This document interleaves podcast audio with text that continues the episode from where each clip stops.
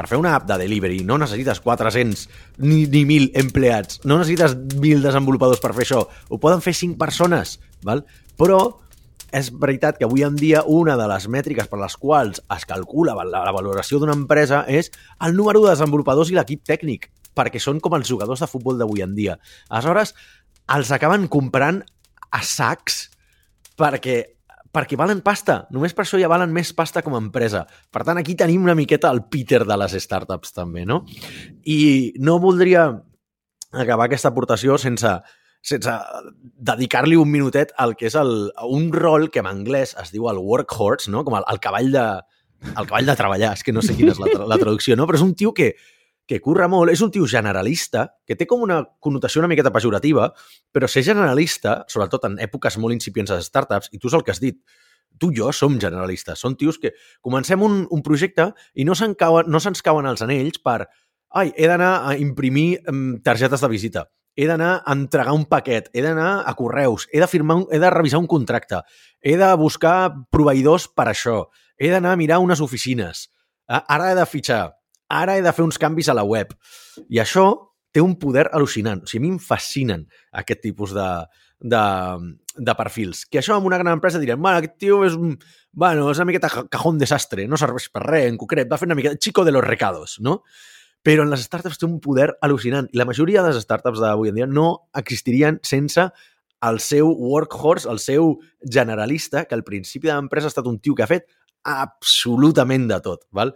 O sigui que sense aquest generalista, que les grans corporacions seria un tio chico dos recados, després no hi hauria eh, espai ni, ni, ni rols suficients com per incorporar tots aquests Peters que acaben conformant les grans estructures de, de les corporacions i de les empreses molt grans. Mm, però, fixa't, fixa't, és que és molt interessant això, perquè jo podria ser aquest asa de càrrega, ¿vale? moltes vegades. Mare meva, asa de càrrega, sí senyor, Marc. M'encanta, m'encanta. M'encanta. Aquí t'has bueno, superat, eh? eh? No, no, a veure, per res. Ho has buscat, sí. no? Ho has buscat. No, no, no, no, no de, de, de veritat que m'ha sortit, eh? Perquè m'he imaginat com un borret eh, com carregant moltes, eh, moltes coses a l'esquena i, i com que va sortint. És, és l'asa el que és el creuament del, del cavall i el burro però que és, no és fèrtil? Sí, oi? Perquè, eh, sí, perquè tu pots creuar diferents espècies però no del, del, del mateix gen, no? Llavors, quan ells, aquests dos no estan sexualment atrets, però ho pots forçar, llavors entre ells crec que fan, eh, creen com fills que no són que és fèrtils. la mescla entre el cavall i el burro, no? Sí, exacte, exacte. Val. O al revés, o entre el cavall i l'as i el burro, no sé, ara no recordo. Bueno, és igual. És, és, és, és, és divertit aquest concepte, eh? Que quan mescles sí, com a, dos espècies que no comparteixen com pool genòmic o alguna cosa, ara no recordo com és, que, que, són, que donen eh, això, pues, eh, fills que no són fèrtils. Anyway, Ai, Déu, ara, ara ja no sé què et anava a dir. Ah, sí, que jo sóc aquest asa de càrrega, però, fixa't, crec que és una posició que ha de tenir molta humilitat. Per què? Quan la mula, una companyia... La mula és el oh, d'això. Ara ho he buscat. La buscat, mula, la mula, la mula de càrrega. La mula, la de, mula càrrega. de càrrega. Que aquest capítol ara, ja té, ja té, ja té títol, eh?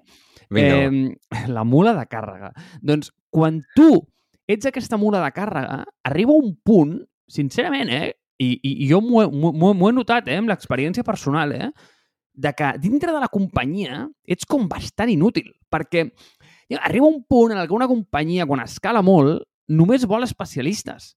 No serveixes per res ja. És a dir, eh, al principi estàs molt bé, perquè està molt bé que un tio et faci de tot, però quan ja tens una companyia de 300 empleats, i sí, no, podríem dedicar un episodi sencer a odio el dir mira, dues coses. Anar a un lloc i preguntar tio, què tal, com estàs? I que et digui el número d'empleats que té la seva companyia, ¿vale?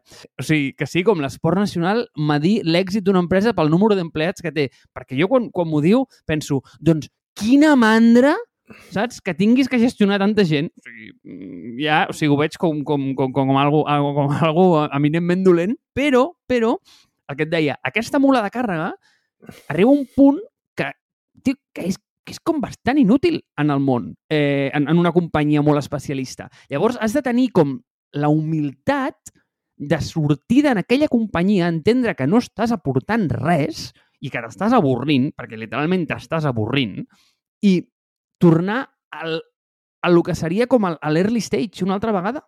I a, i a mi això m'ha passat. O sigui, mira, jo, per exemple, quan, quan, quan vaig sortir d'Ironhack, jo vaig ser super sincer. Jo vaig dir, mira, tio, escolta, és que jo crec que aquí pues, estic aportant rather poc, saps? Eh, i, rather i vaig... poc. Aquestes mescles de l'anglès. I, i, I vaig començar amb Game Street, pues, tio, pues, al principi, i m'ho estava passant infinitament millor però perquè érem dos i estava tot per fer i era divertit, hi havia un espai per, per, per, per crear. I aquí és on, és on una mula de càrrega jo crec que treu el seu best, no? Perquè, perquè de fet, i, i, i crec que això enllaça, enllaça un altre tema, eh? però m'agrada el, el concepte aquest que has introduït, el de, el de quina mandra haver de gestionar tanta gent, perquè al final eh, el número d'empleats de l'empresa no aporta res, absolutament. És una cosa molt fluida que crec que et dona, és una manera d'explicar la credibilitat en projectes que estan començant, val? i que tu diguis, mira, jo ara tinc un empleat, tinc dos empleats, i vas al cap de dos anys a la mateixa persona et reuneixes i ara, no, és que ara en tinc 15. Ostres, molt bé, al cap de 3 anys, ara en tinc 50. Et dona una credibilitat. Val? O sigui, exemple, quan jo vaig crear la meva empresa, que ara farà 8 anys, jo estava als Estats Units i més o menys per aquestes dates no hi havia ningú treballant a l'empresa. No estava ni jo treballant a l'empresa, era jo sol. A l'any següent ja ens havíem incorporat com a empresa, ja teníem clients, ja teníem 3 o 4 treballadors full-time, no, ens teníem 3 treballadors full-time i els 3 socis. I clar, vaig anar i dic, som 6 Hòstia, em vaig reunir amb la mateixa gent i em dir, ah, hòstia, sou sis, molt bé, no? Cada any he anat als Estats Units. Aleshores, cada any que vaig als Estats Units, sempre hi vaig per les mateixes dates, sempre hem anat creixent, no? I l'any següent érem 10, i després érem 12, després érem 15, després hem estat 20, no? I aquí sí que et dona, entenc que et dona una certa credibilitat, però arriba un punt en què ja el creixement o s'estabilitza o ja no et mesuren per, per número de persones, ja és completament, completament independent. O sigui, al principi és com una mètrica de és una mètrica de, de credibilitat. Però després arriba un punt en què o bé t'estabilitzes o no et serveix de res, perquè i tu i jo ho sabem, i al nostre entorn immediat passa molt. Startups que han crescut i després s'han anat a prendre per cul, saps? I tenien 150 empleats o 300 empleats i s'ha anat, la, s'ha anat a Norris completament. Aleshores dius, ostres, potser ens hem focalitzat o s'han focalitzat molt en la mètrica dels empleats i el creixement, però és que no feien pasta. I aleshores, si no fas pasta, això no és sostenible. I, i venen pandèmies o venen canvis de mercat o ve un competidor més gran i et fot fora del mercat i, i bueno, doncs aquí t'has quedat tu amb els teus 100 mm, i escaig empleats que ara, bueno, els hi has de buscar. Els hi has de buscar feina o els has de fotre fora, no? Dit això, eh, com dic, té una certa credibilitat, jo crec que el, el, el, el tema dels empleats, però el que m'agrada a mi és el foc aquest que estem posant en el perfil generalista, perquè crec que eh, hi ha un concepte que és, per exemple, el de, el de el, de, el del founding team i inclús el de, el de... Anirem molt més específicament, eh? O sigui, què ha de fer un CEO al principi de la, a, cada, a cada etapa de l'empresa, no? Si l'equip directiu a cada etapa de l'empresa poden ser les mateixes persones, però els rols són completament diferents, no? M'explico. Al principi, quan no tens ni clients ni equip, no sé què, vull dir, és una miqueta tonteria que tu siguis CEO, jo sigui CTO i l'altre sigui no sé què, perquè de què serveix si no tens empleats. No? Si no tens treballadors teus, no serveix molt. Aleshores, acabes fent una miqueta el que necessitis per, per treure l'empresa a, a flote. No? Aleshores, diguem, bueno, doncs, el que deia abans, tots sou una miqueta uns ases de càrrega, no? El, el workhorse aquest. Ets un asa de càrrega perquè has de fer qualsevol cosa perquè l'empresa no mori. I si això vol dir que els tres socis, els quatre socis, heu d'anar a una conferència de startups a parlar amb tot Cristo per donar-li la targeta de visita i concertar visites comercials, doncs és el que s'ha de fer, però això no ho faran mai els mateixos rols a, les mateixes persones un cop tinguin 50 o 200 treballadors. Per què? Perquè això ja va a una persona més especialista, no? Però jo crec que la majoria d'empreses, o almenys les, les empreses amb les que jo em relaciono, totes han tingut aquest perfil, o les que han anat bé, totes han tingut aquest perfil. I jo m'explico, jo he estat aquest perfil. Quan vam crear Marsbase, jo me'n recordo que jo els hi vaig dir als meus socis, escolta, hi ha un que feia tot, tota la part de backend, i l'altre feia tota la part de frontend. Val? Jo deia, passeu-me totes les tasques que no siguin exclusivament o específicament el que heu de fer vosaltres perquè els projectes surtin endavant. És a dir, què he de fer jo perquè el, el Xavi pugui fer tot el backend i el Jordi pugui fer tot el front? Hòstia, doncs revisar contractes, enviar factures, mm, crear les comptes de Twitter, posar contingut a LinkedIn, escriure el blog, canviar el contingut de la web, fitxar, revisar textos legals, parlar amb proveïdors, vull dir, totes aquestes, totes les coses que no eren exclusivament el que havien de fer, i això segurament va poder fer que ells es poguessin concentrar molt més en el que s'havia de fer i portar l'empresa al següent estadi, que era el de ja podem anar fitxant i ficar més estructura per tenir més programadors, tots dedicar-nos una miqueta més a gestió, eventualment ficar una persona d'operacions, etc etc i créixer, no? Però vull dir que a, en, sobretot en early stage, en etapes molt inicials, és imprescindible, a mi m'agrada veure una persona que sí que tingui aquest perfil, que és el perfil generalista, que segurament és una persona com tu i com jo, que arriba a 20 persones, o 30 o 40, i diu, jo ja m'avorreixo, aquí ja no tinc res a fer, perquè ara ja es premia l'especialització. I jo estic més content en un entorn d'incertesa, de canvis constants i d'equips molt petits en els que podem estar mm, friquejant fins a les 3 de la matinada eh, i vinga, i fem una hackathon al cap de setmana i no sé què, però a la que ja comença a venir managers i Peters, aleshores ja, ja no ens ho passem tan bé a l'empresa, no? Mira, mira, que crec que l'asa de càrrega per això té una, té una vessant negativa, eh? A veure. Almenys a mi em passa. No, no sé si tu també et trobes en aquesta situació i, i si no m'expliques, eh? però de la mateixa manera que ens agrada molt ser promocionats, val? perquè eminentment es veu com una cosa positiva a la societat. Dius, escolta, m'han promocionat tu, saps? Eh, hòstia, que bo, tu, que bo. Eh, a vegades penses, joder, quina putada, no? T'han donat més responsabilitat. Bueno, tio, mm, t'han fet estàs treballant més hores. Però bueno, és igual, no entrem si això bo o dolent. També la societat premia molt les etiquetes. I les etiquetes és, a veure, tenim com una mania obscena per etiquetar coses. Val? Volem, tot ho volem etiquetar. Tot necessita un nom. Llavors, un programador és un programador. Un pagès és un pagès. I un fuster és un fuster. I és claríssim què fa cada un. Però, per exemple, i és un cas personal, el meu, sempre he tingut una gran frustració per explicar-li a la meva mare què és el que faig. Val?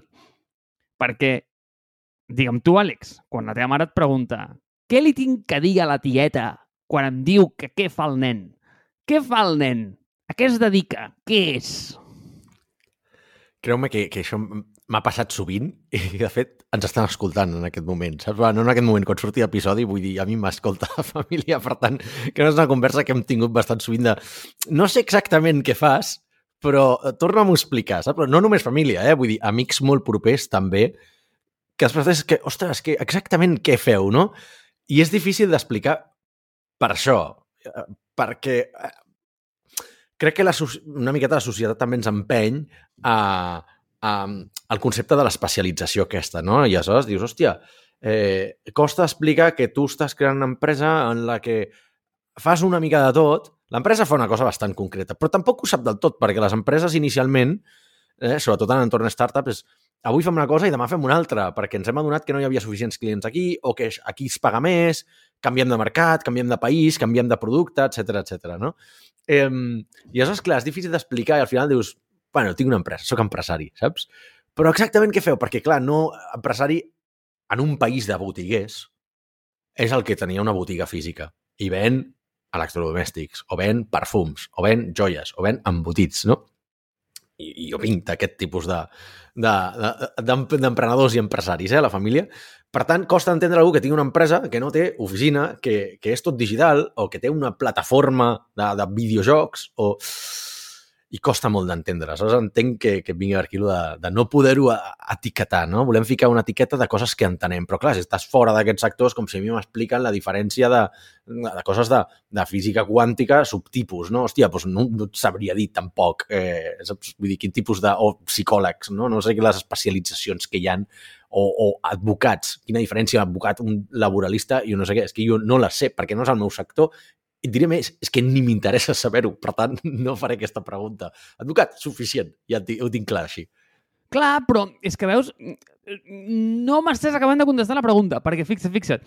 O sigui, crec que és bastant evident a què es dedica la teva companyia. És a dir, jo això li puc explicar a, a la meva mare. Li puc dir, mira, mama, o sigui, el que fem és exactament això. Val? I jo crec que tu pots explicar bastant bé a què es dedica Mars Base. El problema és a què et dediques tu. És a dir, què fas tu amb la teva vida. Llavors, eh, és el que tu dius, vale, ets empresari, però eh, si dius que ets empresari, quan tu penses en un empresari, jo penso com en tres, en tres capes. El que has dit tu, val? el mític botiguer, d'acord? Sí. El botiguer és un tio estable, que, com tu dius, no? Vull dir, té una, eh, una localització física on se'l pot trobar i aquest senyor pot estar venent mm, gelats, sofàs o tornavisos. Val? Llavors, segons com, doncs, igual pot especialitzar-se, no? I pot ser doncs, un ferreter, pot, pot ser un, un forner, el que sigui, no? Llavors, aquesta persona és un emprenedor i és un botiguer. Val.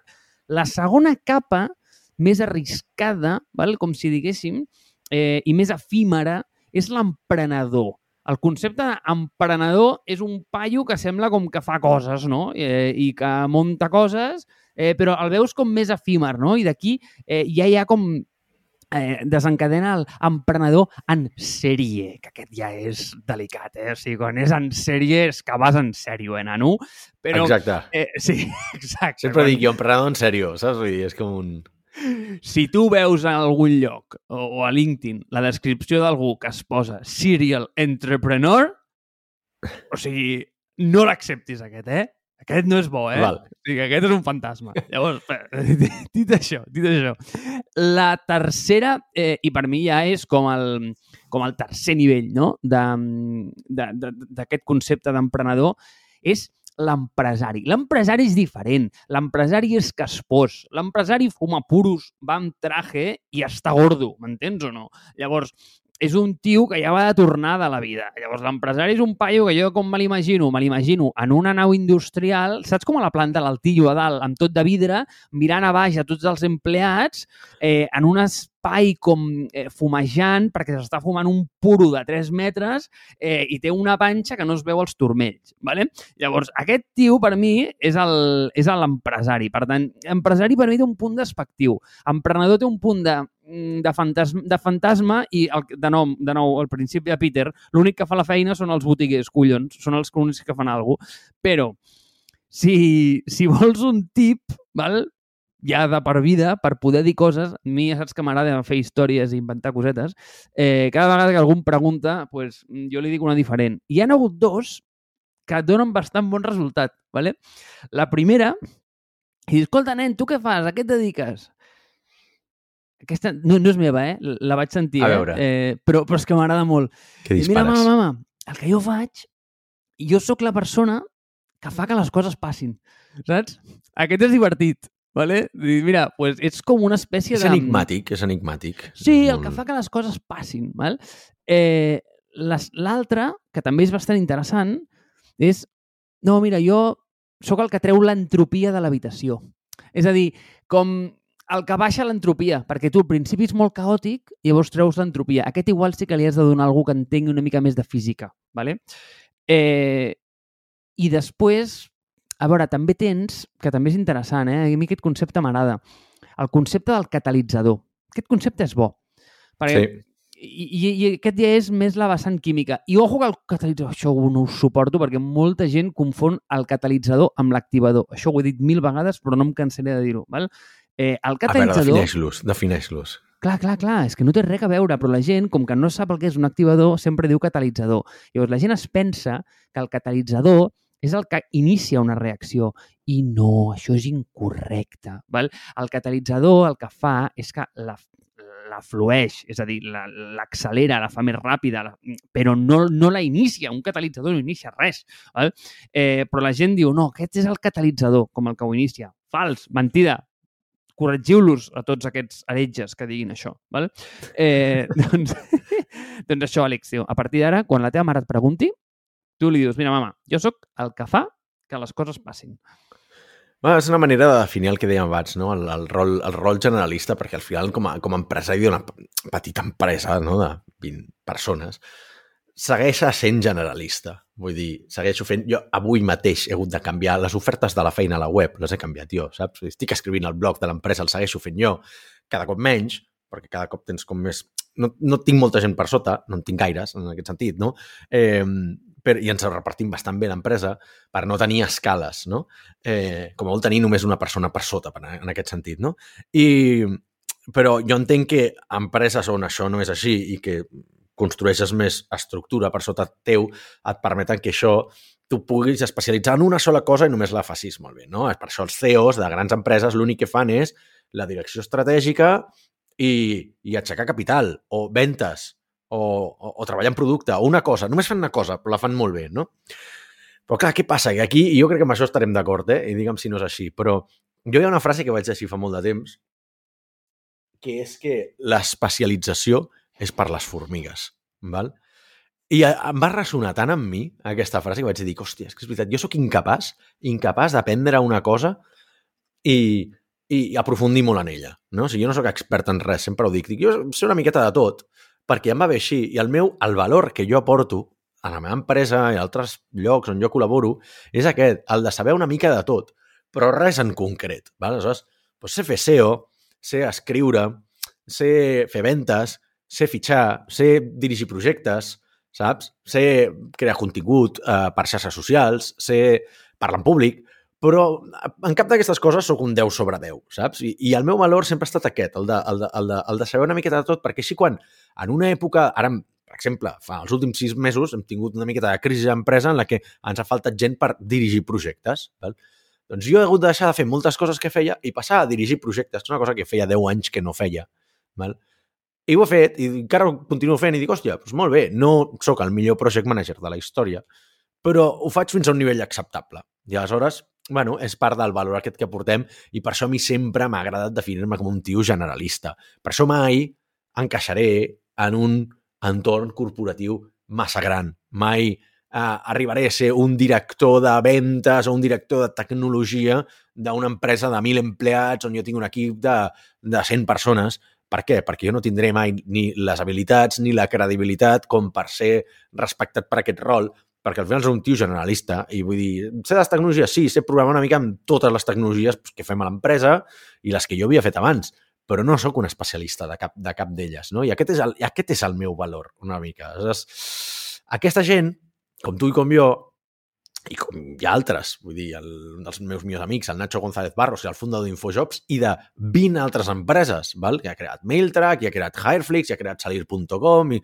és un tio que ell mateix es defineix com, com, un, bueno, com un creador de problemes. No? Ell crea un problema que els transforma en una empresa i diu, jo a les empreses estic 5 anys, però al quart jo ja estic de sortida.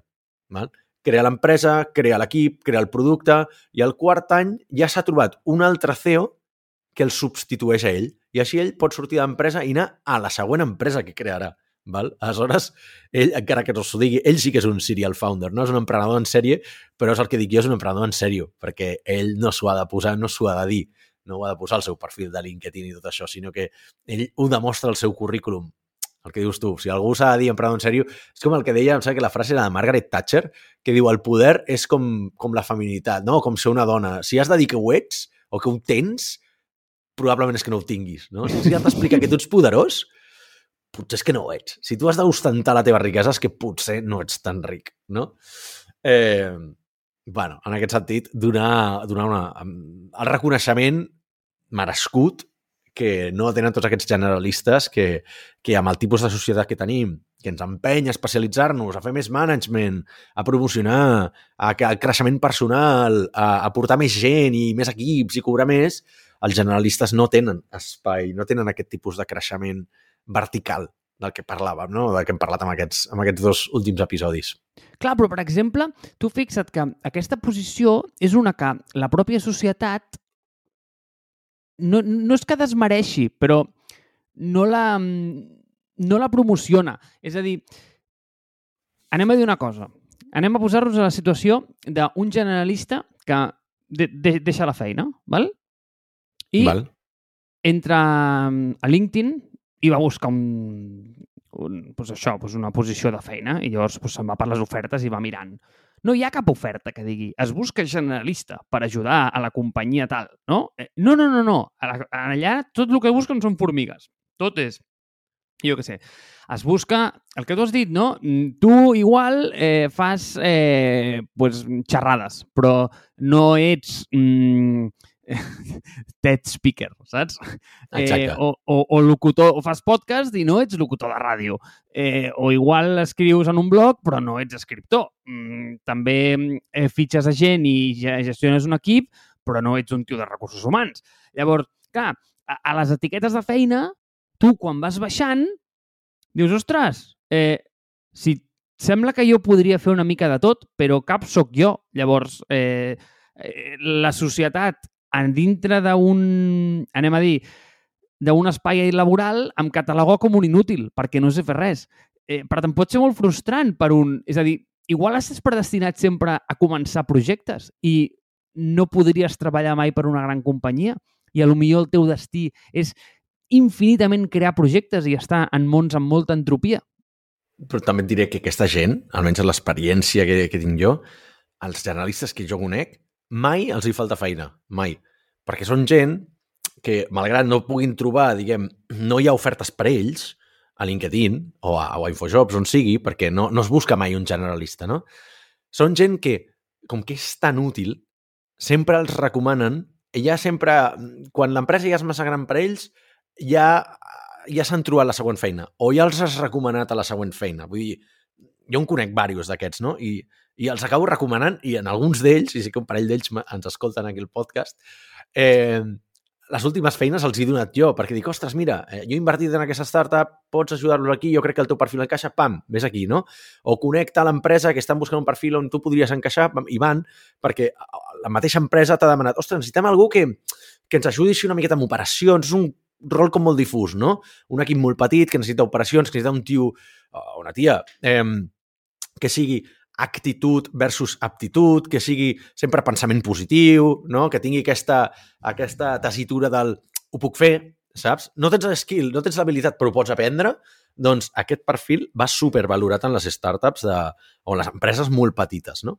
Tenen un valor incalculable. Però clar, aquests no necessiten anar mai per, per plataformes de reclutament. Aquests sempre van per recomanació boca-orella perquè també van molt preuats, saps? És com, és el que diem, eh, i de fet tu ho saps a nivell de reclutament, les ofertes que posa, generalment les ofertes que poses a les plataformes de reclutament són una miqueta les de menys valor, perquè els, els, els empleats més crítics els acabes buscant i trobant sempre per boca, per boca orella, per recomanació. Sempre, eh? I mira, jo crec que la meva vida va canviar. És que has dit un punt que m'ha tocat la patata, Àlex.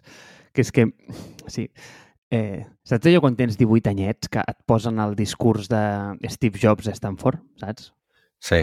Sempre passa. Tothom té aquest moment en la vida. Llavors eh, hi ha gent que se'l queda i no para de mencionar-lo, hi ha gent que l'interioritza i simplement pues, eh, diu, vale, molt bé, això ja ho ha dit tothom, pues, és com haver vist, eh, no ho sé, la final de Wembley del 92, vale? Eh, doncs jo vaig començar a rascar, vaig dir, hosti, tu, aquest Steve Jobs, un tio interessant, tal, no sé què. Eh, té un altre vídeo que, que jo crec encara és més interessant, que diu una cosa que a mi em va semblar, eh, de veritat, eh, com un moment d'abans i després de la vida. I és que al final del dia, tio, tot està fet per algú. És a dir, si et fixes, qualsevol cosa, hòstia, hi ha algú a darrere. I, i és el que tu dius. Escolta, és que igual si t'hi poses i comences a rascar una mica, resulta que no és tan complicat. I crec que aquest generalista és el tio que, sigui el que sigui, aconsegueix dir, hòstia, tio, si això ho ha fet algú, per què no ho puc fer jo? Vaig a provar. Igual no seré el millor fent allò, però, mm, escolta, vull dir, ho podria fer perfectament. Escolta, que algú fa els bancs del carrer, eh? Algú fa els containers del carrer i les lloses del, del paviment. Llavors, eh, coses tan mundanes com aquestes, dius, hòstia, hi ha algú darrere d'això. Tio, hi ha un emprenedor darrere d'això. Hi ha un asa de càrrega. Hi ha un d'estos, un chico pa todo, que va començar amb la idea. Per tant, és interessant. I, i de fet, si no proves moltes coses, és probable que t'acabin en, t'acabin encasellant a tu en un lloc on a l'altra gent li convé i que tu no acabis trobant allò que realment vols fer, no? O sigui, si deixes que l'altra gent defineixi el teu futur, doncs potser no acabes tu trobant la teva, la teva verdadera vocació, no? O sigui, qui sap, potser la gent que no s'ha animat mai a, a fer un, un podcast perquè no perquè pensa, ostres, no m'escoltarà ningú o no tinc els mitjans necessaris o no tinc una audiència i tot això, acaba treballant de coses que més o menys troba feina d'això perquè no, perquè, bueno, perquè una miqueta la, la, la vida l'ha portat cap allà, no? Però per no haver volgut provar massa coses, no haver volgut ser generalista, que potser si hagués agafat l'òptica aquesta, la vida de ser més generalista, hauria provat diverses coses i d'aquestes hauria trobat una i diu, ostres, jo no ho sabia. Mira que jo havia estudiat eh, enginyeria informàtica, però he trobat que a mi el que m'agrada és escriure i el periodisme o, o fer entrevistes o reclutar gent, no? Acabes trobant coses que no és el que has estudiat i pel simple fet d'haver-ho provat, dius, ostres, però realment això és la meva vocació, no? I per això avui, no sé, m'agradaria animar que la gent li donés una, una volta, li donés una oportunitat a això de provar moltes coses, perquè per bé que haguem estudiat una cosa, per bé que els nostres primers 10 anys laborals haguem fet una cosa eh, o una altra, això no ens ha de marcar mai. I tornar a començar sempre... O sigui, tornar a, començar, tornar a aprendre una, un, altre, un altre camí de professional no vol dir començar des de zero, perquè no comences des de zero.